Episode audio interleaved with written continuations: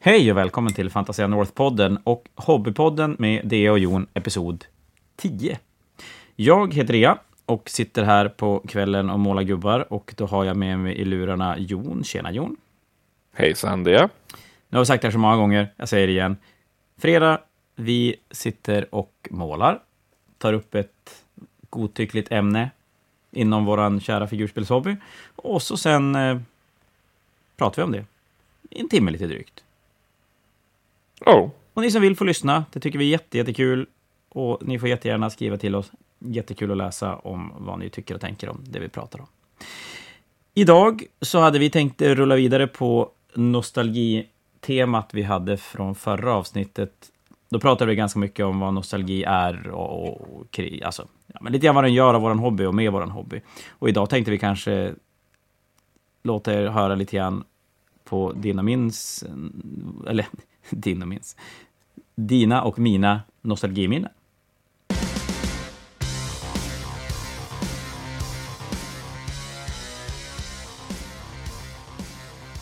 Mm.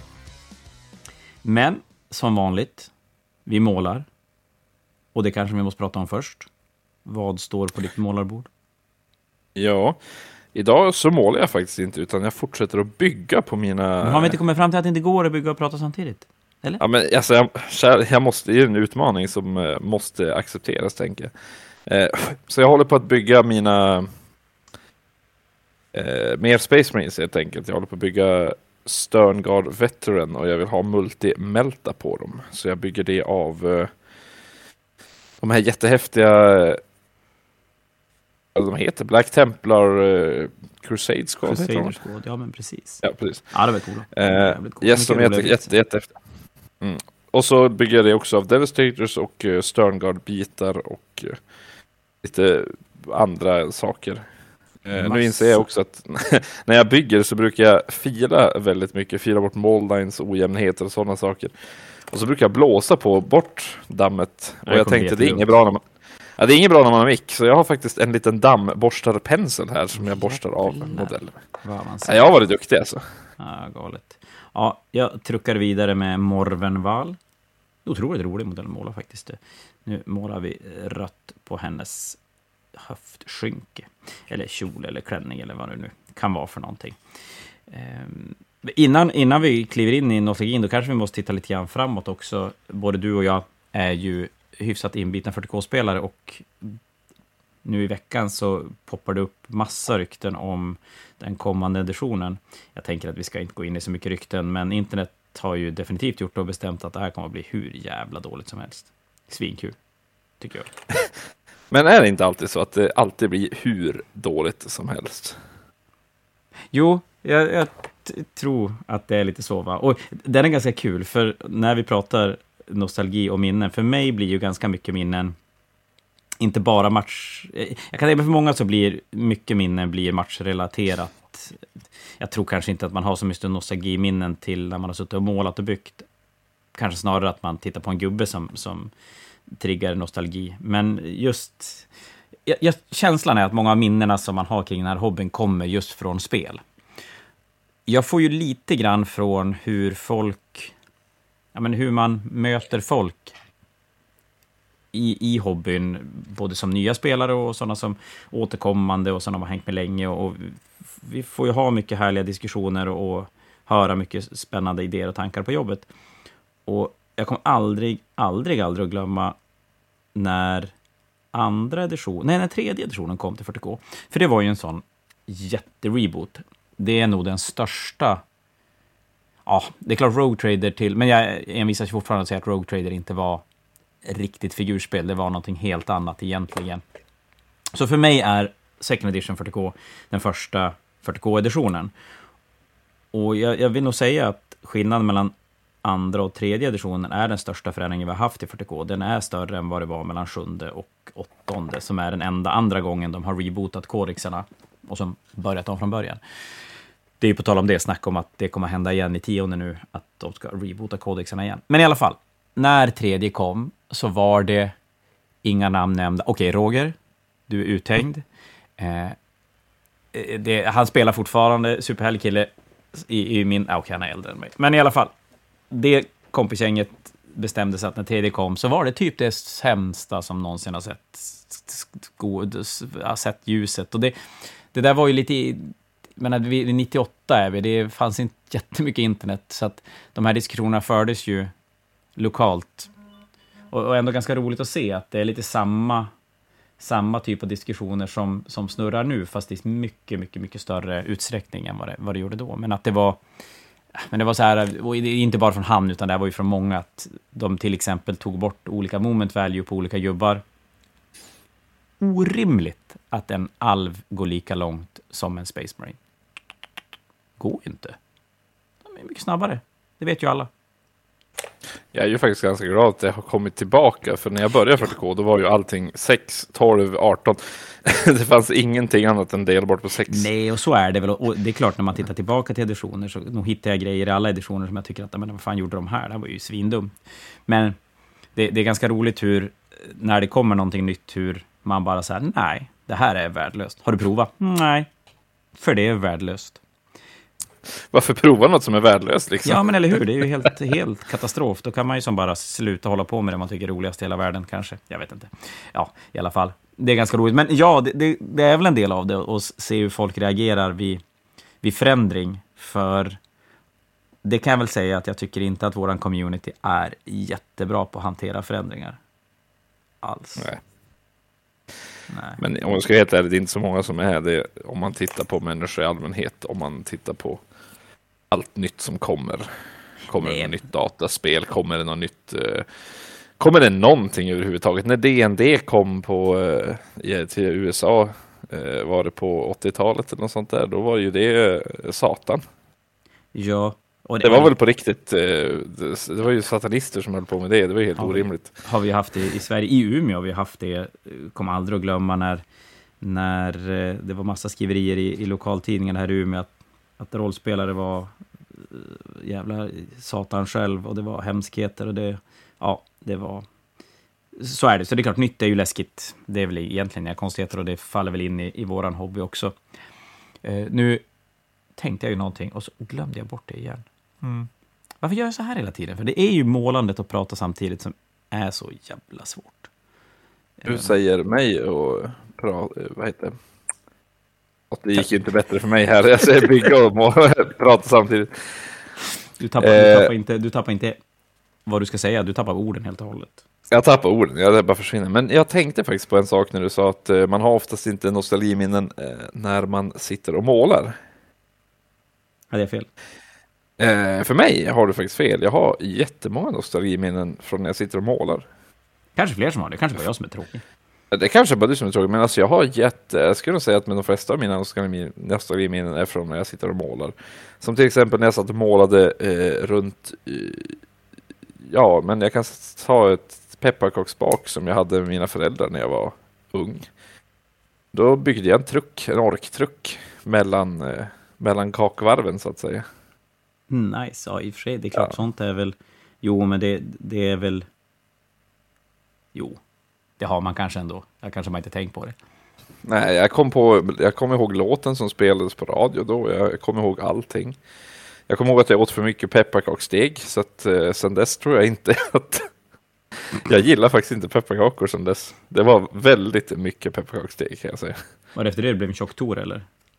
Ha, ha, ha. Nej, jag har ju pinsm. Den kan vi ta, den kan vi ta en annan gång. men det, det, är också ett nostalgiminne till slutet. Det, det, kommer att bli det förr eller uh. senare, när man bara kan le åt eländet. Eh, mm. Men, nej, men det, det, det är väl rätt intressant och jag tror att väldigt många har... Undrar, undrar hur många sådana här nostalgispel... Ja, då, då, nu kommer jag tillbaka lite till spel, men det är kanske mest för att det är kanske då man ändå reagerar på, på något sätt när man uppger det. Att man kanske har varit jätteupprörd över någonting som man sen tittar tillbaka på och kan tycka att det är en kul grej. Men just där och då när man var i det så var det var man fruktansvärt upprörd. Det var typ det värsta som kunde hända säkert. Ja, men jag tänker, du, du pratade ju om en grej innan vi började som du kände att det här måste man ta upp. Och det är väl en sån sak som den inblandade var nog inte så jävla nöjd när det hände. Men jag kan tänka mig något år senare, då kan man titta tillbaka på det och, och egentligen bara le. Vi kan ju ta den historien faktiskt. Det hände till en eh, gemensam eh, bekant till oss som eh, spelade på turnering och eh, mötte en motståndare i 40K med Eldar. Eh, och på den tiden så hade vi ju ja, lite olika terräng på bordet, men eh, Kommer du ihåg vad, det, vad företaget hette som gjorde de här hyddorna? Det? Ja, Gale Force 9 är det. Deras, yes, det. deras Battlefield in a box. Precis, och då fanns det sådana här hyddor, typ typiska egentligen orkhyddor kan man väl säga, som hade, eller, eller ogre-hyddor. Som var relativt stora och så hade de som en ingång och så var de ju ihåliga. Det fanns ju faktiskt ett tomrum under dem, så det var som en upp och nervänd skål egentligen kan man säga. De var även för jävla fula. Så jag tycker faktiskt inte att de är så fula. Men... Sluta. Du har alldeles för snygga arméer för att tycka att de var helt okej. Ja, okej då, men jag... Ja, ja, okej, ja men du har fel. Ja. Jag tycker de är helt okej. Hur som helst, så... Eh, så eh, var det tydligen en tight match och... Eh, nu kommer jag antagligen berätta den här historien fel, men... men Ingen kan ju rätta oss. I, i, nej, men i slutet av matchen så trodde då vår kompis att han hade vunnit mot den här eldarspelaren. Det såg bra ut och allting. Och den här eldarspelaren, han gör så här då att han drar fram fem stycken Warp Spiders som hoppar ur den här hyddan. Hade han alltså gömt en femma Warp Spiders under den här hyddan. Så tänk er en upp och nervänd skål och under den hyddan hade han då gömt en eh, Warp Spider-enhet. Äh, när eh, jag tror vår kompis kanske gick på toa och eh, bara sa deploya färdigt. Som hade stått där hela matchen och bara väntat på tillfället. Bara, där är vi. Så jävla bra. Alltså så utstuderat, så jävla snyggt. Eh, och, och, verkligen så här, när, jag undrar hur nöjd han var när han revealade dem och bara nej du, för jag får extra poäng här. Ja, alltså jag hade ju blivit helt vansinnig. Helvete vad arg jag hade blivit. Alltså, alltså fruktansvärt. Men nu efter, i efterhand så måste man ju säga att det är typ det eh, absolut roligaste eh, semifusket som jag någonsin varit med om. Eller det är väl fusk egentligen, men alltså det, det är som så, det är som så dumt. Det balanserar ju väldigt på en fin, fin lina, för ja... Men det är klart, han kan ju ha sagt det i förbifarten och, och ja men, våra bekanta, gemensamma bekanta inte riktigt reflekterade över det och sen berättar man. Det finns en liknande historia, men det här har jag inte varit med om själv eller sett själv. Det, har, det här är från, jag är ganska säker på att det är från Danmark, från en Giant Fanatic way back. Och då, då var det var lite grann samma sak. Då hade den, jag har hört det från en svensk spelare som, han hade flyttat Eldar Jetbikes och ställt dem ja, men, i motståndarens deployment längst ner i ett hörn. Och så sen blev det motståndarens tur, han gör sin tur och, och så här i efterhand då, då när han är färdig så lutar han sig över de här jetbikesen medan svenska killen gör sin andra tur. Och så frågar han sig, ja men är du färdigflyttad med allting? Ja, jag är färdig. Säker? Ja. Ja, men vad bra. Och så ställer han sig upp och så sen då visar han de där bikesen då som han har som gömt under sig. Och bara, ja men just det, får jag gå med dem? Nej. Ja. Så fruktansvärt. Och ja, den är ju faktiskt, ja den är ju nästan ännu värre för, för, men fortfarande, jo, jag tror att jag hade kokat på alla cylindrar också. Men sen finns det ju alla de här... Man har ju alltid lite otur eller tur när man spelar. Och, och vissa är ju mer duktiga på att fokusera på den där turen eller oturen. Oftast oturen kanske. Un, under matcher. Och, men jag tänker mig att det enda gånger det egentligen kan ha på något sätt spelat roll, det är ju när man kommer ihåg det flera, flera, flera år senare. Just det där tärningslaget, eller den där händelsen som, som eh, förändrade allt. Och jag, jag har nog faktiskt, jag kan nog ärligt säga att jag har nog inget sånt där tillfälle när jag, som, som jag kan minnas spelmässigt, där tärningar har påverkat en match så att den ligger kvar i minnet hos mig. Det... Jag, Vet du vad, då, tror jag, då synar jag dig redan. För att om inte jag minns ett tidigare poddavsnitt så berättar ju du om uh, gamla fantasy och vad den gjorde mot... Var det din OD Ja, i och för sig, det är klart. Ja, det blir. Men jag kommer nog inte ihåg tärningslagen som så, utan det är mer bara händelser. Ja, i och för sig, det är klart, det, det, är ju en del av det, så är det. det jo, men för, för det, det finns en del, och jag tror att gamla fantasy ändå var ett spel som, som bjöd, bjöd upp till sådana där väldigt, väldigt konstiga situationer eller kanske inte gamla fantasy egentligen gamla sättet för GV skrev regler på. För det finns också i, i Second Edition 40K så hade de lite samma grej att när generalen dog, nu, jag kan ha fel i detaljer, men när generalen dog så skulle man slå leadership-test för enheter. Om det var för hela armén eller om det var för enheter i närheten, det, det kan jag inte riktigt minnas. Men jag vet att det spelades en match för ja, second edition, så det här är ju då 96, 97 någonstans. Det var på Fantasia, så att det, det finns inte jättemånga att spela på. Det var orker mot tyrannider. Och det här är en sån match som också sitter kvar jättemycket, för orkspelaren hade byggt en lotad landspeeder på den tiden, för orkerna kunde lota imperiefordon. Och, och det är lite sådär, det, det kommer jag ihåg. För det som händer är att Tyranidspelaren klumpar ihop sin armé ganska rejält i deployment. De börjar med att orkspelaren skjuter iväg en pulsarocket som är då en... Ja, numera är det ju bara en meckan, men tidigare hade alla, det, alla de här olika vapnen olika namn, olika regler. Och pulsarocketen var en, en typ en mortarraket du sköt iväg, la ut en marker, slog 2D6. Det var så mycket den pulsade. Och allting inom den radien kunde inte göra någonting. Man, man slog som kull och så fick man inte gå, skjuta, slåss. Alltså man fick inte göra någonting alls. Slog man dubbelt, då pulsar den vidare nästa runda. Så det han gör är, och det, det, det finns så otroligt många sådana här dumma regler i second edition. Han skjuter iväg den där pulsrocketen när han är mitt i tyrannidarmén. Den pulsar 10-12, dubbelt i alla fall. Och den låser upp hela tyrannidarmén utom en liktor som får springa iväg och göra saker som jag tror blir nedskjuten av den där landspeeden. Jag vet inte varför det har fastnat. Och så fortsätter det med att den där pulsarrocketen bara fortsätter dubbelpulsa femmer och sexer. Så den låser upp hela tyrannidarmén i typ hela matchen. Orkerna då var en extremt skjutig armé sköt hur mycket som helst. Så de står i sin deployment i ett hörn och bara skjuter och skjuter och skjuter på tyrannidarmén som faller isär i driver. Men sen kommer den lös i sista rundan. Och då skjuter tyrannidspelaren iväg en spårmine från en biovår. Den landar bredvid orkchefen, som på den tiden hade mega armor som gav ett... Det borde ha varit 2 plus vanligt save, det borde ha varit femma eller 4 plus invo save. Eh, ja, den har 2 plus vanligt save, 4 plus invo save och så sen hade den även displacer field som var väl 3 plus invo save tror jag också. Ja, det som händer i alla fall, bevåren går igenom, gör typ alla stjärnor stå i rätt tecken och den bara sänker den där Ork Warlorden. Då ska hela orkarmén slå ett, ett, ett eh, moraltest, hela orkarmén springer över bordskanten och tyranniderna vinner så, så, ja, det är så, så otroligt, otroligt dumt. Och sådana där saker har ju som hänt lite titt som tätt. Gamla det har du säkert varit med om i gamla Fantasy också, där det var mycket så här leadership-test om, om enheter flydde genom andra enheter och grejer. Ja, herregud. Jag har förlorat hela armén i tur ett en gång. Ja, men det, det har jag också gjort. Det var ju den här, som vi pratade om tidigare, att, att min odöde general misslyckas lookoutsar och exploderade av en kanon. och så sen dog hela min armé. Man bara, ja. Men alltså den, jag, jag, har ju, jag har ju varit med om det också. Men i synnerhet en annan gång när jag spelade en match på Fnatic med mina Ogers.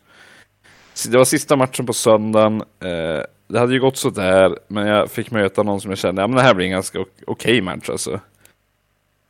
Eh, han börjar, han kör kaos, jag kör Ogers. Han pekar på mitt block. Som har både ja, du vet, general och battle standard bear och allting man hade på den tiden. Ja, var det då hade man ju allt, allt en och samma. Ja, precis. Och så hade jag vad heter level 4 wizard med ja, allting. Mm. Allting låg i den till grejer också. Det var inte helt ovanligt. ja, nej. nej, och så kastar han, tror du det, så kastar han den här Infernal Gateway som sa att om du, du slår för styrkan, slår 2D6 för styrkan. Slår du 11 eller 12 eh, så tar du bara bort enheten. Det är så jävla bra. Och så, ja, och så slog uh, han slog 11. Tror jag. Eller 12, spelar faktiskt ingen roll. Resultatet var att jag bara tog bort enheten. Men det där var... Eh, var det där och, sjätte editionen fantasy va? Eh, nej, det här var åttonde. Det här var det var när... så pass sent. Alltså magin var ju jättestark i åttonde. Du vet, det hade de här Vortex eh, lila solen ja, som tar initiativtest eller dö och allting. Och styrketest och dö och grejer. Ja. Och... Så, ja. så magi var ju superduperstark. Eh, så det här i alla fall. Jag bara plockade bort blocket. Det stod ju två stycken saker. Eh... Nej men du! Det vart ännu värre. Nu kommer jag faktiskt på vad som verkligen hände. Han pekade faktiskt inte den på, på mitt block med Ballstander Bear och allting där. Han pekade på mitt Stonehorn jag hade.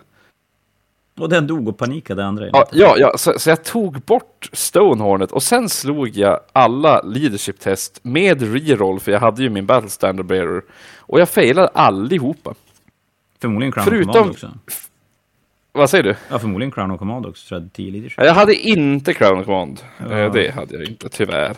Men, eh, men i alla fall, jag hade åtminstone Leadership 8 eh, och 7 med reroll. Jag flydde, jag tror jag klarade några. Men de enheterna som flydde från den här Stonehornen, det var ju de som stod närmast. Så de flydde ju genom hela linjen åt båda hållen. Så jag fick ju panika hela armén.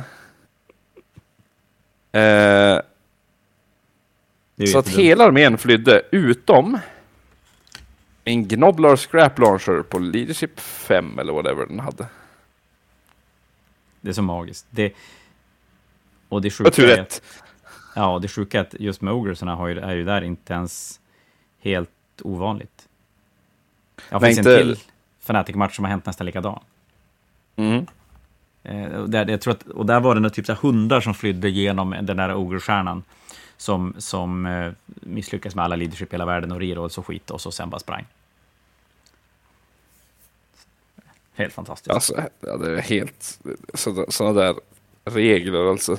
Jag är ju väldigt glad hur uh, leadership test blev i Age of Sigmar uh, när den kom.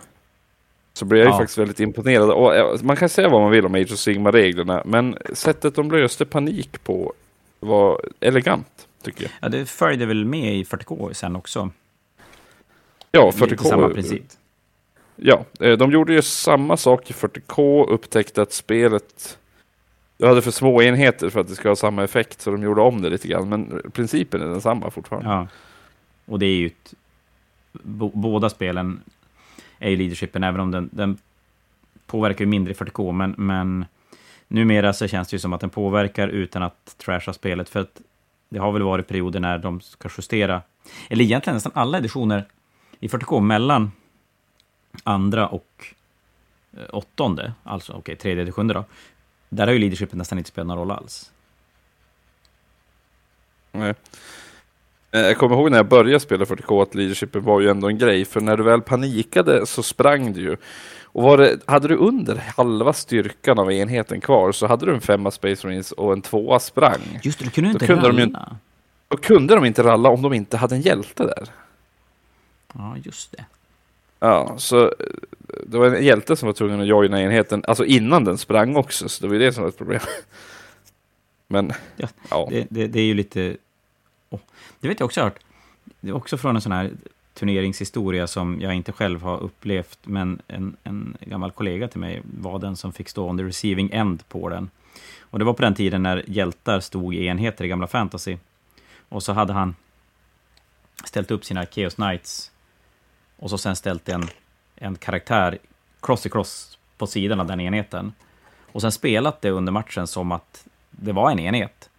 Men så senare under matchen ska han chargea. Så ja, men Knightsen chargear den där enheten och min karaktär chargear den enheten. Eller, eller någonting sånt i alla fall. Och så ja, men det där var ju en enhet. Nej, nej, nej, det har jag aldrig sagt. De stod bara bredvid varandra.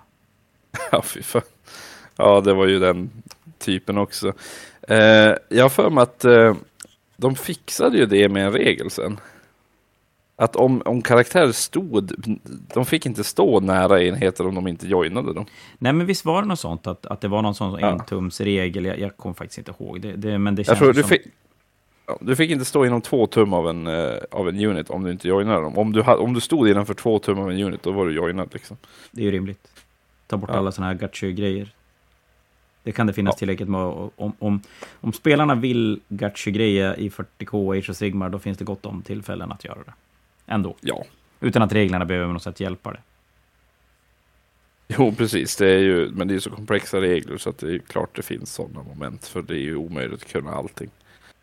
Ja, gud ja. ja men det var någon vis herre som en gång sa att det finns inte en 40K-match som har spelats utan att någon fuskar. Och då syftar man fusk lika med att man spelar fel. Medelomedvetet, men att det, det finns inte en 40K-match där allting har spelats 100% rätt. Ja, jag vill syna påståendet, men ja, det kan nog stämma egentligen. Ja, det är nog inte långt ifrån. Jag, jag, jag tänker mig Nej. att det är så lätt att det är någon... Ja, men om man kollar all moment, har, har verkligen aldrig... Alltså, inte en millimeter för långt någonstans, med någon modell. Var, folk kan ju faktiskt inte mäta, så det är ju helt Nej, ja, det, det, är helt det, det händer ju inte. Och det behövs ju inte heller. Mycket av det där spelar ju faktiskt ingen roll. Men eh, det är klart, det öppnar upp för gachi-grejer och, och, då är det väl ganska skönt om reglerna inte ja. tillåter ännu mer sådana saker. Det är därför det är ganska schysst när det blir, eh, när man mäter helt plötsligt noggrant och så bara, ja men det är på millimetern, då är det ganska schysst tycker jag med tärningslag för att, med, att måtten har ju blivit fel på vägen dit på något sätt. Ja, men exakt. Jo, men det, det är ju först när man börjar närma sig som det, som det är intressant. Eh, mm. Jag tänker om, om man tittar tillbaka till nostalgigrejen, vad, för mig är det ju definitivt så att det mesta nostalgi, det är ju från när jag var betydligt mycket yngre, men så kanske det är för alla, att det är det man kommer ihåg och så har man förädlat det i minnet till någonting alldeles magiskt ja. 30 år senare. Som jag sa så har jag ju en massa sådana här målarminnen och eh, i synnerhet ett eh, målarminne när jag är uppe i fjällstugan och ska måla Lothen Seagard. Och då pratar jag inte om de här snygga demomålningsmodellerna från Island Blood. Du pratar jag om gamla fula High Spearmen.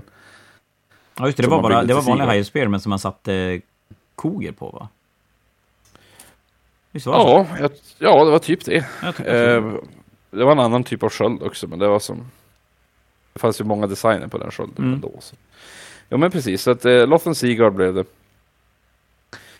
Och eh, gick en låt på radio, en fruktansvärt hemsk låt. Jag tror den heter Young Folks. Uh, den är, ja, den är inget bra egentligen. Men jag, jag har fortfarande den låten på min spellista, för jag har så många goda minnen av att jag sitter där böjd över skrivbordet, relativt ung, det är sommar ute, solen lyser, så lojt in genom fönstret och jag sitter där och målar Lotten Seagard i, till ljudet av radion. Och det... Jag vet vad du är nostalgisk. Ja, men alltså, det är riktigt magiskt. Vet du, jag... Eh, ja, det är jag tyckte det. Jag tyckte, det, var, det var faktiskt helt magiskt. Jag försöker nästan återskapa den känslan. Varenda gång. Men det är svårt för nu är man vuxen. Eh, det, är, det, är som att försöka ha jul, det är som att försöka ha julafton igen, du vet. Eh, samma typ av jul som man hade när man var barn. Nej. Man överanalyserar men, allting numera så mycket så att det blir inte lika bra. Ja, men det var, det var faktiskt... Eh... Men det har lite grann, när vi började på riktigt med 40K, då bodde jag då självklart hemma hos mina föräldrar och de hade en utbyggnad till sitt garage som någon typ av så här ja, vad ska man, allt i allo och allt i allo hobby eh, yta. Jag vet att min mamma hade använt till en sån här ler, lertillverkning och grejer. Som vi ockuperade med spelbord, målarverkstad och paintballverkstad. För vi spelade ganska mycket paintball på den tiden. Och så var vi väl fyra som minst, och så ibland kunde vi vara sex, sju stycken som hängde där och målade och och pillade på paintball-grejer och, och, spelade däremellan också. Och det var väl två somrar, det måste ha varit 90... Jag får, jag får fan inte riktigt ihop tiden här, men, men 93, 94, 94, 95. Där någonstans borde det ha varit. Och vi, vi satt hela nätterna och vi upptäckte, och så av någon anledning lyssnade vi bara på kommersiell radio och så upptäckte man att spellistorna på kommersiell radio bara snurrade runt. Så att all musik bara återkom. Och då var det ja, nu kommer jag inte ihåg vilken låt det var, men det är samma sak. Det, det är någon låt sådär som, som rullade då som helt fruktansvärt, en sån här britpop-skitlåt som, som eh, direkt får mig att tänka på 40K. Och då, då var det på den tiden när Vortex Grenade var en grej. Den, om ni har spelat Apocalypsen så vet ni ju lite grann vad den, vad den innebär. Men då, på den tiden var det, man kastade en granat och träffade man så dog allting som tog i den och så var den typ kan han ha varit en och en halv tum i diameter, så tre tum, nej, en och en halv tum i radie, tre tum i diameter, skulle jag tro. Och då, då hade vi en sån, då spelade man på, på ett stort jävla bord och så var det skitlite terräng. Och så i mitten så, så var det ett hus och på huset stod det fem scouter, Space Marine scouter. Och så sen är det en kaosspelare som springer fram och ställer en blodtörstare, ett gäng hundar i hörnet på huset, för att det är ju bara scouter där uppe, de kan ju som inte göra någonting. Så tar scoutsergeanten fram sin vortexgranat ur byxfickan och bara, hm, undrar vad det här är för någonting? Och så släpper den över, och så, så landar den, träffar ju typ på 3 plus eller någonting, och så landar den och ut därifrån så springer det en hund, allting annat bara sugs in i, i varpen. Och, och dör. Jättedum. Den, den skrev, om jag inte missminner var det Andy Chambers som gjorde en White Dwarf-artikel. För de hade släppt, Vortex-granaten kom som ett Wargear Card i Dark Imperium eller i White Dwarfen först. Och sen dök den upp antingen i Dark Imperium eller i White Dwarfen, så det fanns som två. Man fick ha lika många som det fanns Wargear Cards. Och ah. han, han, gjorde en, han skrev en artikel där han, så här, förlåt att jag skrev det här, det är det dummaste jag gjort någonsin. Ni har all rätt att riva sönder kortet och kasta bort det. Eh, för den var, den var dum, dum på riktigt. Sen släppte de någon så här Vortex, vad kan den ha heta?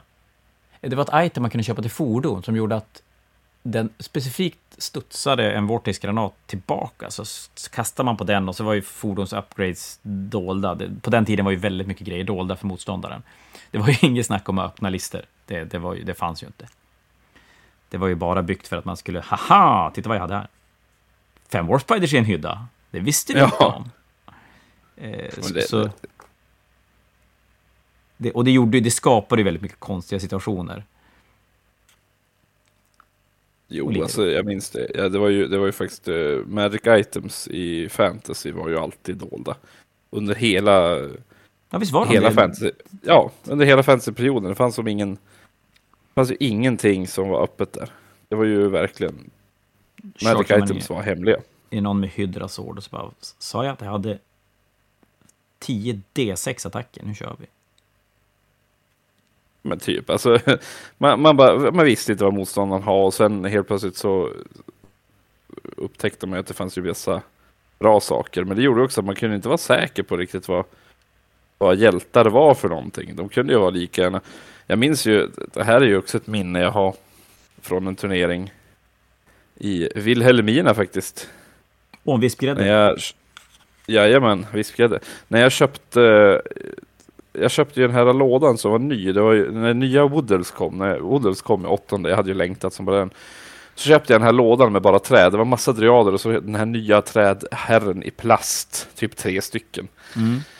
Eh, och så målade jag upp hela den till den turneringen. Det var ju som att spraya brunt och drybrusha. Det var, det var ju typ det. Och så hade jag gjort Durthu. Jag tog Durthu liksom. Durthu som var named character och uh, stenhård alltså. Eh,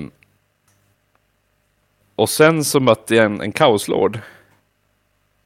Eh, som jag sen fick veta, eh, de hade täckat, det var en Vilhelminabo som hade täckat specifikt ifall han skulle möta mig på den här turneringen. Men jag gick in med Durthi i det här blocket bara och försökte skiva kaoslorden och det gick sådär för att eh, kaoslorden hade jättebra save då. Ja, den var ganska hård. Eh, och och trots att Durthu var typ vansinnig i den här strid så lyckades jag inte riktigt kliva, klyva den här kaoslorden.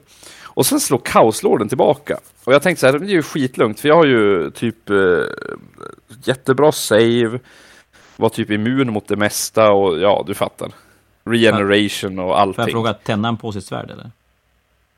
Jajamän.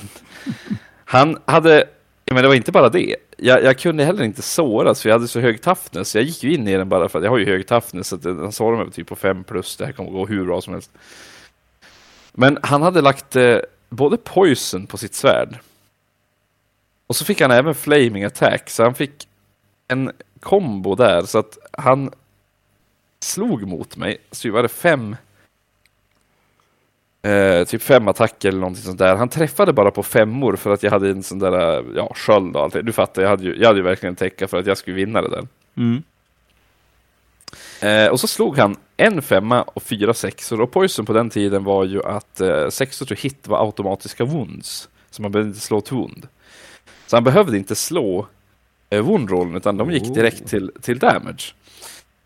Eh, sen så slog han då ett wound roll eftersom han träffade en och han sårade mig på 5 plus för att jag, jag hade så hög toughness och han lyckades ju såra mig där också. But of course. Yes, eh, och sen ännu värre, jag fick typ ingen save på grund av något annat magiskt svärd. Alltså det var ju allt, det var ju massa på attacker det här. Men som också gav flaming attacks eller någonting sånt. Och så brann uh, träman upp. Ja, på den tiden så hade ju Durthu, han hade ju sex wounds. Uh, jag tror jag räddade två av de här fem på min save ändå. Men tre gick igenom och Flaming attacks mot tre lords på den tiden var ju dubbelskada. Ja, det var inget bra. Nej. Då dog man. Ja. Oj, vad, med, med, dagens sätt att spela spel och, och lite mer, det känns som att det är mer, alltså man är mer in, vad ska man kalla det? Eh, ja men, det man får ut av spelet är mer, alltså det kan vara mer prispengar och det är större turneringar och det är mer prestige att vinna och, och allting sånt. Så tänker jag mig, alla de här gamla gacha-grejerna, fan vad mycket dålig stämning måste det bli. Ja, alltså det är som så dumt ändå. Jag, ser, alltså jag kommer ihåg tjusningen med att ha lite sådana här magic items, haha, men, men eh, det är ju ett dumt sätt att vinna på. Är det. Så är det! På de dumma sätt att vinna eller spela spel, eller whatever, inte på tal om någonting alls. Det finns en, en till sån här match som jag aldrig någonsin kommer att glömma. Jag vet att jag jobbade på Fantasia, surprisingly enough. Det började spelas en match Ja, men det här är också second edition. Det bara att fortsätta med jättedumma grejer i second edition. På den tiden, då när man körde in en blind grenade, då kom man ut i random direction efter den gamla old fashion scattereye. Körde man in med ett fordon, då slog man en tärning och på 1, 2, 3, då kom man ut 45 grader vänster och 4, 5, 6, 45 grader höger. Man kunde alltså inte hålla ratten rakt när man körde in i ett rökmoln. Det går inte orimligt. Nej, du var, du var tvungen att tvärsvänga liksom. Ja, men det är väl klart. De blev ju jätterädd. Ja, i alla fall. Det spelades eh, Imperial Guard mot Harlequins. Och, och här är så här kusligt hur siffrorna bara, jag bara kommer ihåg dem. För att du kunde bygga en gardesarmé med nio stridsvagnar på dem, den tiden. Det var väl 1500 poäng man spelade om jag vill minnas det. Eh, man kunde ha ganska mycket kimerer. Alla Imperial Guard stridsvagnar kunde ha Frag Assault Launcher. Det finns väl kvar något liknande. Man kunde skjuta Smoke Grenades, Blind Grenades. Eh, och, då sköt varje stridsvagn kunde skjuta tre stycken. Jag vill säga att det var en one use only. Och det som händer är att gardespelaren ställer upp, rullar fram. Så här, det finns ju ingen anledning att Harlekinsen ska kunna få leka med mig obehindrat. Så jag skjuter iväg alla mina nio gånger tre blind grenades. Och Blind grenades på den tiden funkade så att man sköt iväg en template som var 3 tum i diameter. och så sen i början på varje runda, då slog du en tärning för varje blind grenade.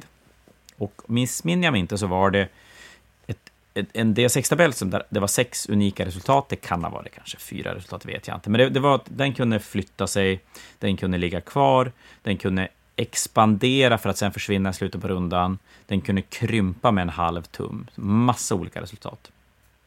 Så det han gör, den kör fram 7 till 9, 18, 27 stycken sådana. Harlequin-spelaren, så här, det här blir ju inget bra, för att om jag går fram och så kommer en massa stridsvagnar och skjuter på mig, så att Harlequin-spelaren tar sina 20-ish Harlequins, de kan också kasta blind grenades, för det är en ganska vanlig grej. Så de går fram, kastar blind, blind grenades, 20-ish stycken. Så helt plötsligt ligger det en 40-45 blind grenades utliggande liggande på spelplanen. Och jag vet att jag sitter och klipper templates i papper medan de spelar för att kunna lägga ut. Och sen börjar då rundan när de ska börja slå för alla de här. Och bara, ah, men den där ska ligga kvar, den här ska flyttas och försvinna i slutet på turen, den här ska krympa och ja, det var inte jättesmidigt.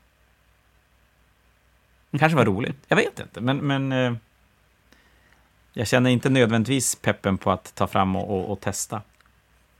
Men, jag tror inte att det var så roligt, men, men det är som du säger också tidigare, att eh, man tänker kanske inte på det just då.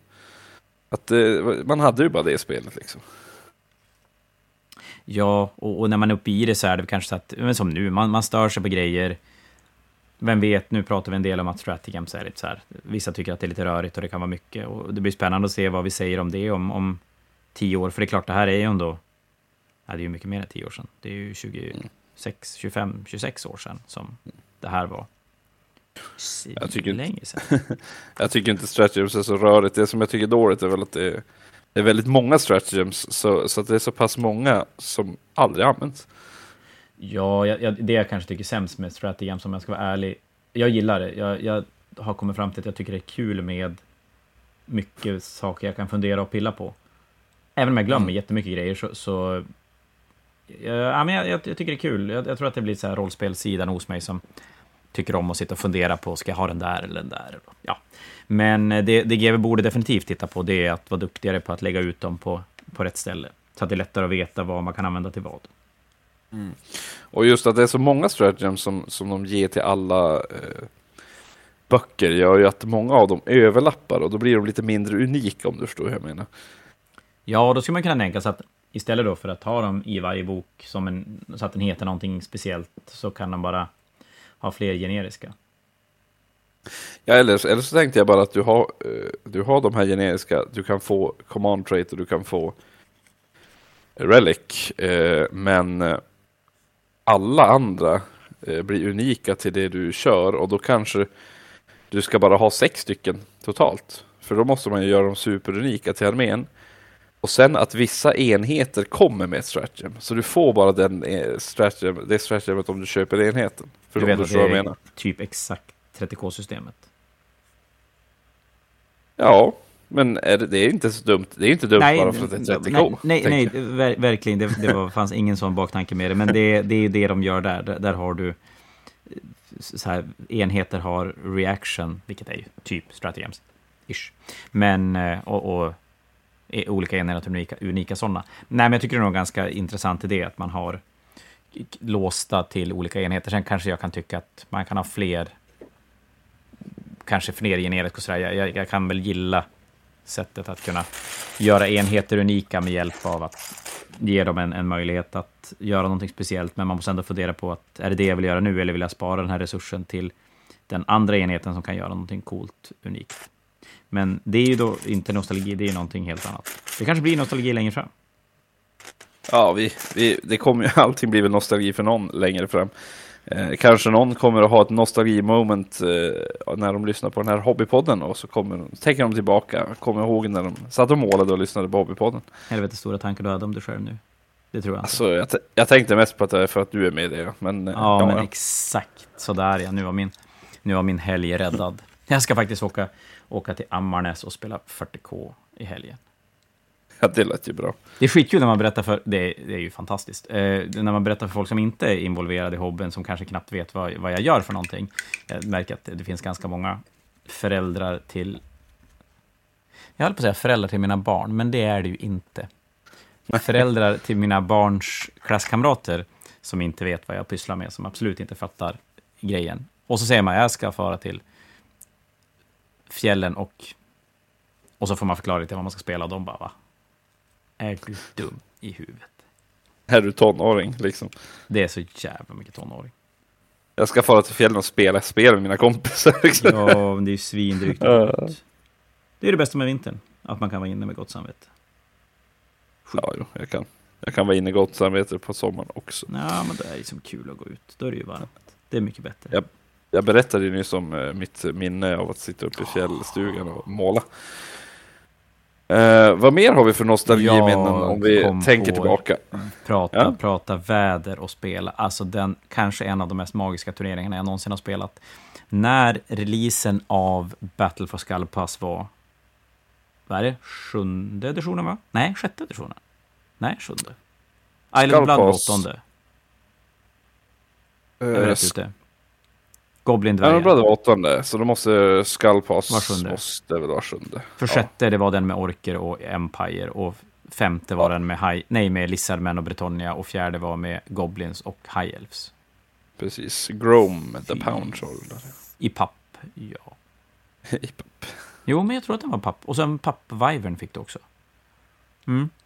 I alla fall. Mycket papp förr i tiden. Mycket papp förr i tiden. Jag hade faktiskt en polare som var färgblind okej, okay, är färgblind. Han eh, duktig på att rita, men tyckte det var lite jobbigt att måla på grund av att han var färgblind. Uh, han, han, ritade figurer på papper och så spelade han med, med figurer som typ så här gamla klassiska brädspelsfigurer, drakborgen, när man sticker ner dem i en plastfot. Mm -hmm. Svinbra för line of sight, man vrider mot sidan. Man gömmer sig bakom en pinne.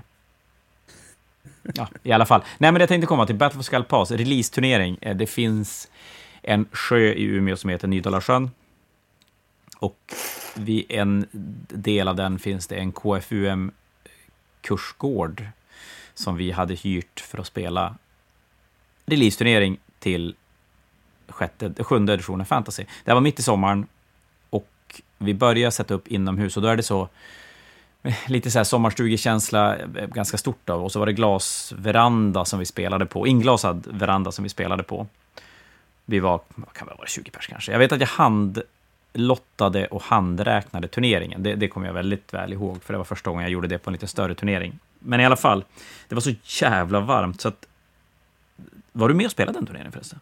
Jag var inte med och spelade den turneringen. Du kanske inte var så gammal då i och för sig? Jo, jag var inte gammal då. Nej, det du, var 2000... Nu pratar du Battle for Skull Pass, då var jag väl... 2004? Kan det vara det? Jo. Då var, jag, då var jag 13 år, så nej, jag var inte Nej, då, numera så kanske man skulle kunna vara, men då var väl kanske 13, då var man gränsat till för liten för att vara med och spela. I alla chef, särskilt, särskilt, särskilt när jag bodde i Vilhelmina vid tiden. Så. Du menar en 13-åring i Vilhelmina är typ som en 9-åring? Jag tänkte mer bara att jag kanske inte var tillgänglig i Umeå just Jaha, okej. Okay. Jag tänkte att ni träffade inte så mycket folk, så att det var lite svårt att... att... Nej, okej. Okay. Skitsamma. Eh, ja, i alla fall. Eh, nej, men det var svinvarmt, så det började med att vi, några stycken, började bära ut borden och ställa dem på så här grill, klassiska grillbänkar med... Ja, men ett bord och så sitter det fast bänkar i bordet. Alla ni har sett sådana på rastplatser runt om i Sverige. Så vi ställer ut dem där, men det är fortfarande jätte, jättevarmt. Så att efter ett tag så slutade det med att några av oss bär ut, och då spelade vi på en ja, skiva då, spånskiva, har ni varit med ett tag, har ni spelat? Före det fanns mattor, då spelade vi på skivor som var 120 gånger 120 och så spelade vi 1000 poäng. Så vi bar ut dem på bryggan som gick ut i Nydalasjön och så satt vi på bryggan och spelade. Och det var ju helt magiskt. Alltså det var hur varmt som helst, det blåste ingenting, strålande sol. Men eh, ni som känner mig eller ja, har sett mig, jag, är, jag, jag, blir inte speciellt brun alls. Jag blir ganska röd och, och, och sen blir jag inte brun.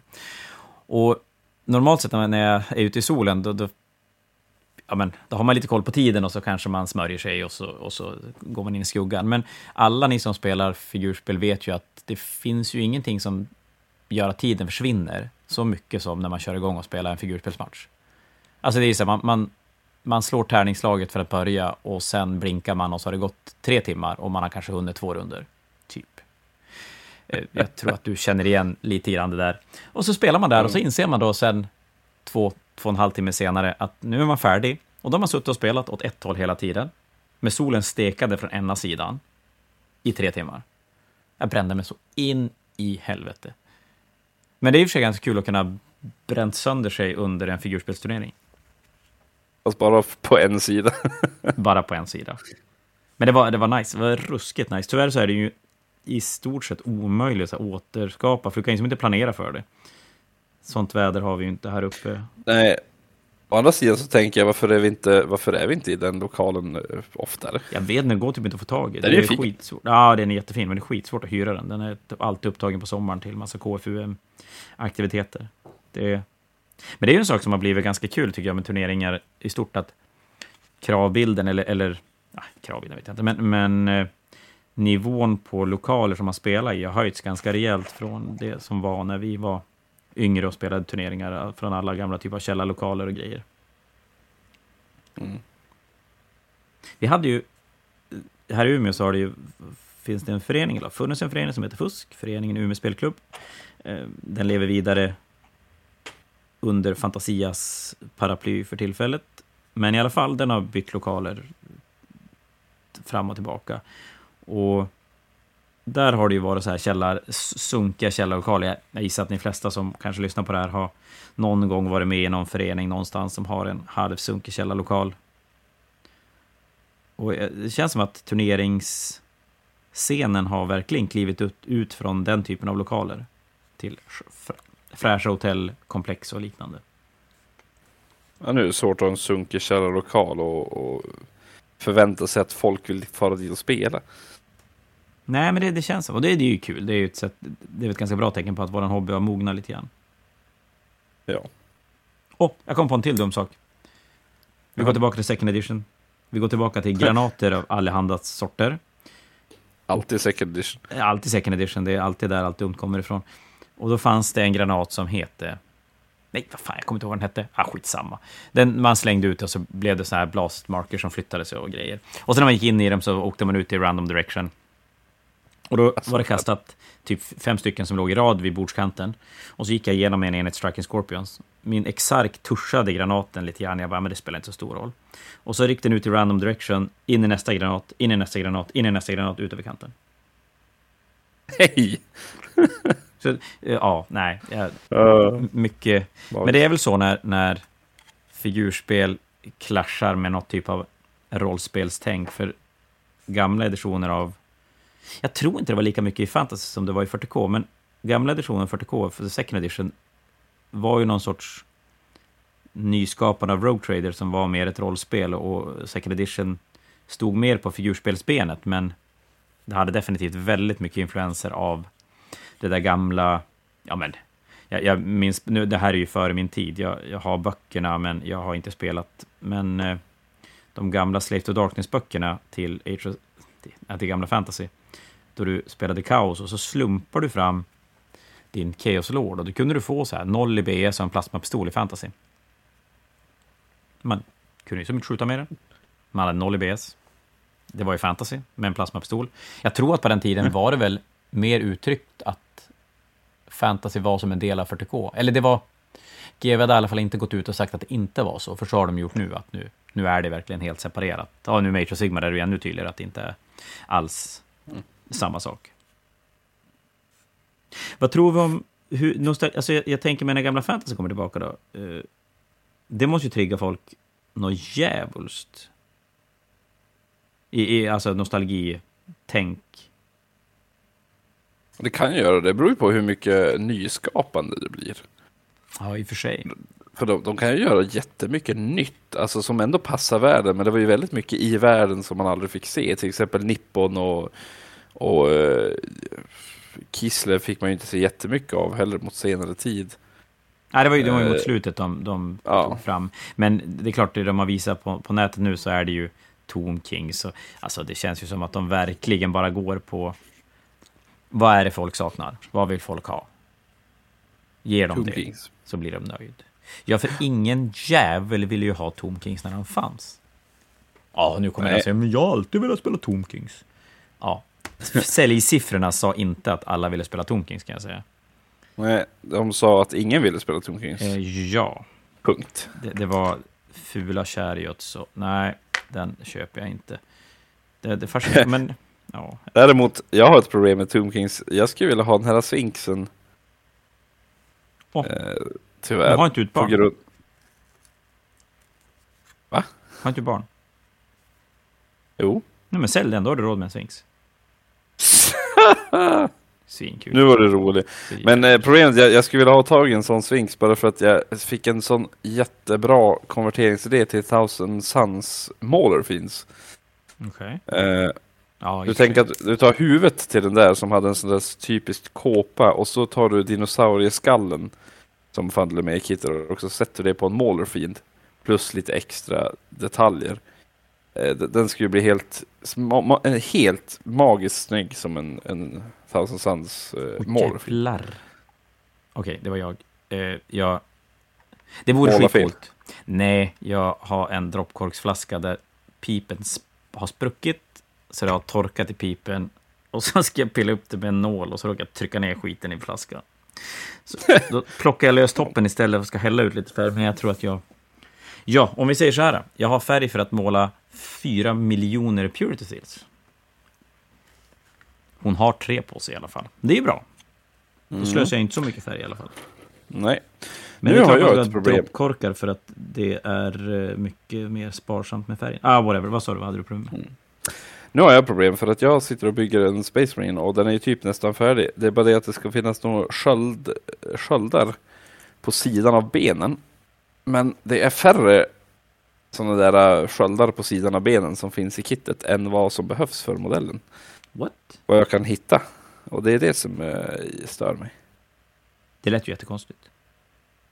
Ja. Eller för att du är dålig på att leta. Men då kan jag fråga, medan du funderar kring det, då ska jag fråga dig. Eh, Morven Wall har på hennes eh, tygskynken under shoulderpadsen har hon två små dödskallar. Eller ja, en, en dödskalle på fyra ställen. Ska de dödskallarna målas ut i typ dödskallefärg eller ska de bara få vara röda som resten av hennes eh, tygskynken är? Jag vill säga hur, ja. Jag ser ju inte henne framför mig så det var en väldigt svår fråga. Men du får väl blunda och tänka. Var sa du att de satt, sa du? De sitter på tyget. På hennes... Hon har som tyg som hänger ut under shoulderpadsen. Ja. Som och det är dödskallar på dem? Eller? Ja, precis. Alltså inte... De är som, de sticker ut lite grann. Gör de. Men det ska vara en del av tyget, typ? Alltså, ja, det sitter ju... Tänk dig om det skulle kunna vara någon typ av emblem som har som sytts fast på tyget. Ja, för om det är det, då kan de ju måla dem hur som helst. Men jag tänkte på er, du vet Space Marines brukar ju ha sådana här äh, läderremmar som har Ultra smurfmärket längst ner. De brukar man kunna måla metall. Eh, det var den ja. bilden jag fick. Men ja, de där kanske sitter så. i tyget. Ja, men de sitter i ja, tyget. men då ska man kunna måla dem. Ja. Men då, om de sitter i tyget så kan man ju måla dem lite som hur man vill. Men det var ju inte det jag frågade. Det är klart jag kan Nej, måla dem hur jag vill. Måla dem som metall då, antar jag. Jag vet inte. Metall, okay. Ja, det blir bra. Vi. Om det, som jag sa, om det, om det är grejer som har sytts in i tyget, vi kör på det. Då blir det metall sen. Men då ska jag inte måla henne nu, för nu ska jag måla Purity Silt med den här liten brun färg jag just hällde ut. Ja. Här önskar jag verkligen att jag hade haft ritningen till de här snubbarna. Så jag vet vars, vart jag ska hitta de här äh, små sköldarna. Ja, numera är det ju för jävla svårt att bygga modeller utan ritning. Mm. Apropå det, där har vi till nostalgiminne eh, om Fjärran. modeller att bygga. Nej, och bygga modeller. och det, är inga, det här är inga bra nostalgiminnen, men ändå mm. blir man lite nostalgisk när man tänker tillbaka på dem.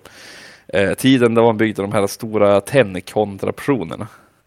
Oh, Kommer du ihåg den tiden? Oh ja, oh ja. Um, det lustiga, den, den, eh, den jag kommer mest ihåg, den är ju faktiskt inte en GW-modell, utan det var ju faktiskt från Pirate Press. Och de hade ju en massa sådana här TEN-modeller. Och det värsta är att det har de ju fortfarande. Nej, inte längre. Har de tagit bort dem nu? De har ju börjat med 3D-printgrejer. Så du kan Jaha, köpa och printa själv, eller så har de som service att de, du kan köpa färdig, färdigprintat av dem. Jaha, ja. Ja, ja det nya editioner. Mm. Eh, men då eh, har jag väl fel. Men i alla fall, de hade de här stora TEN-modellerna. Men alla som har byggt kanske en eh, Gnoblar Scrap Launcher i TEN vet ju att eh, det fanns ju den tiden att, bygg, att bygga en GV-modell nästan var omöjligt.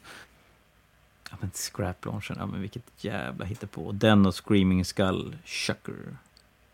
Ja, nej men alltså det är ungdomar på den tiden, de kunde ju på riktigt inte bygga ihop det. Det var ju, Nej. du behövde ju pinna och greenstuffa och allting för att ens få dem att sitta lite grann. Jag kommer aldrig, jag kommer aldrig glömma, jag satt och limmade en, en Great Demon of Siege. Jag tror inte ens det var åt oss själv, jag undrar om jag gjorde det åt en kund på jobbet. Jag satt och limmade den i morgonrock. Och så det var ett helvete att få ihop vingarna. Så hade jag lyckats få ihop den och så ska jag ställa mig upp och så sen haka ena vingen fast i morgonrocksärmen och så flyger den. Svindålig på att flyga. Gick sönder jättemycket. ja. Den är också underbar. Vi har två, eh, två sådana här, när föräldrar ska köpa, för det är också ett, en jobbrelaterat, när föräldrar ska köpa grejer till sina barn. En är upplevd av en av mina anställda på Fantasia och en är en ah, skröna historia, I don't know what, men det kommer från GVs sida i alla fall, från, från länge, länge sedan. Om vi börjar med våran så är det en, en dam, mamma, som kommer in och ska köpa en, en Heavy Tramp till sin eh, son. Heavy det Tramp? En Heavy Tramp. Kallar du det? Vad är en Heavy Tramp? Undrar om någon här fixar den. Alltså Heavy Tramp? Heavy Tramp. Och det sjuka är att Björn som jobbat med då, han han satte den. Han lyckades lista ut vad det var. Och det var inte, han fick inte så himla mycket mer än just att den hette Heavy Tramp. Det var en Hive Tyrant. oh, heavy Tramp. Heavy Tramp, ja den är, den är inte dum. Men det finns även en historia från, från en GV-butik någonstans i världen, vet inte vart, där en mamma kommer in och ska köpa en julklapp åt sin son. Och hon ska ha en, en Screaming Skull Fucker. Den som jobbar i butiken säger inte så mycket om det, utan bara repeterar namnet så här, jaha, du vill ha en Screaming Skull Chucker? Och hon bara, nej, nej, nej, nej, jag ska ha en Screaming Skull Fucker. Han bara, mm, vi ser till att fixa en Screaming Skull Chucker till dig.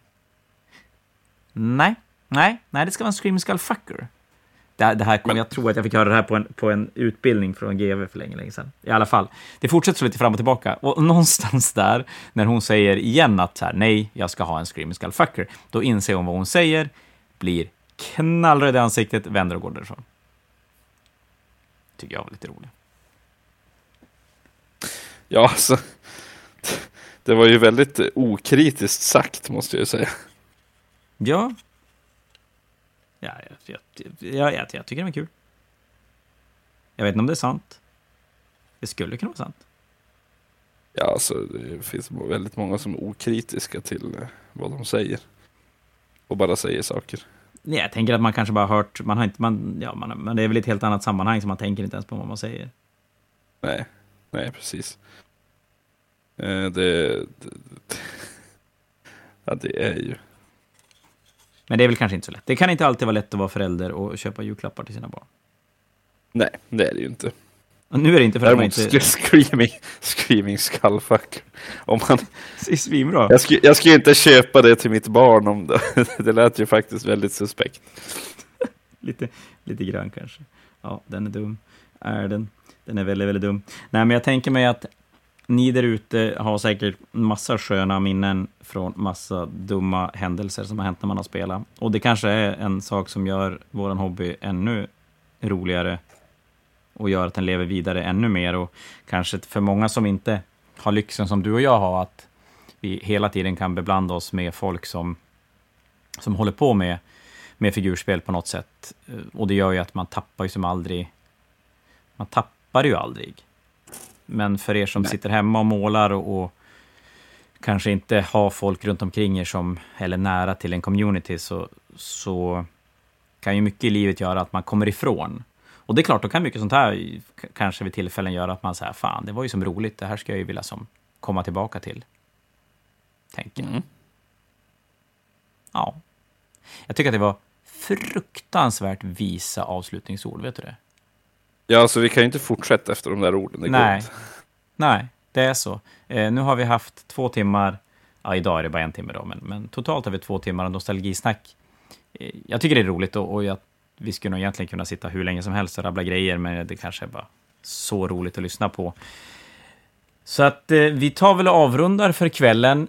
Vi kommer tillbaka om en vecka. Lite oplanerat vad som dyker upp på agendan då, men eh, det är en vecka Det kommer vara fantastiskt bra. Va? Det kommer vara helt fantastiskt. Jag ska ta och runda av min Morva-målning, men hon börjar faktiskt likna någonting. Och du ska väl försöka googla beskrivningar på Crusader Squads kanske? Vet du, det har jag faktiskt redan gjort. Eh, smyggooglade nu när vi satt och, pratade så jag kunde bygga färdigt den här. Så att ni kan få se den på i, Fantasia Norths Instagram där hemma så får ni se min jättecoola marin. Ja, eh, det kommer att vara en bild på Morvenvall. Det är inte så jävla stor skillnad från Morvenvall från förra veckan. Det är lite mer rött på det röda. Men eh, ja, som Jon säger, eh, ni får jättegärna följa upp på Fantasia North Sweden på Instagram. Det händer inte jättemycket än så länge, men det ökar sakteliga. Eh, Bebbe, min kollega på jobbet, har till och från ansvarig för att lägga ut mer content på, på Instagram, så det kommer att dyka upp mer där också. Eh, vi har nog aldrig nämnt det i poddsammanhang, eller ja, det var länge sedan i alla fall i poddsammanhang. Vi har även en Patreon på Fantasia North, Eh, ni kan söka på Patreon just på Fantasia North. Så vill ni stötta vårt communityjobb med poddar och turneringar och vad det nu kan vara, så är ni välkommen att kika in på Patreon och se vad det kan ge er för någonting. Det finns även lite godsaker man får rent ekonomiskt från Fantasia om man är en del av vår Patreon. Och som vanligt så finns vår webbshop för er som inte bor i Umeå och vill stötta oss och fylla på era figur och färgförråd. Eh, det stökar rätt mycket med leveranser från GV för tillfället. Skitstudsigt i tullen och åker tillbaka. Så jävla förbannad jag blir. Men eh, vi har hyfsat med, med, grejer på hyllorna. Ja, det var väl det. Eh, tankar får ni gärna dela med er på Facebook och Instagram. Eh, idéer på framtida samtalsämnen delas gärna där också. Annars så säger vi tack för ikväll, ni som orkar lyssna på oss. Och tack för ikväll, Jon. Jag ska väl, eh, jag vet inte, ut och åka, nej jag ska inte ut och åka skidor i helgen. Jag kanske ska åka lite skoter i helgen. Jag ska spela lite 40K i helgen. Så vi får väl höra mer om det nästa vecka. Tack för ikväll, vi ses om en vecka. Hej då! Hej då!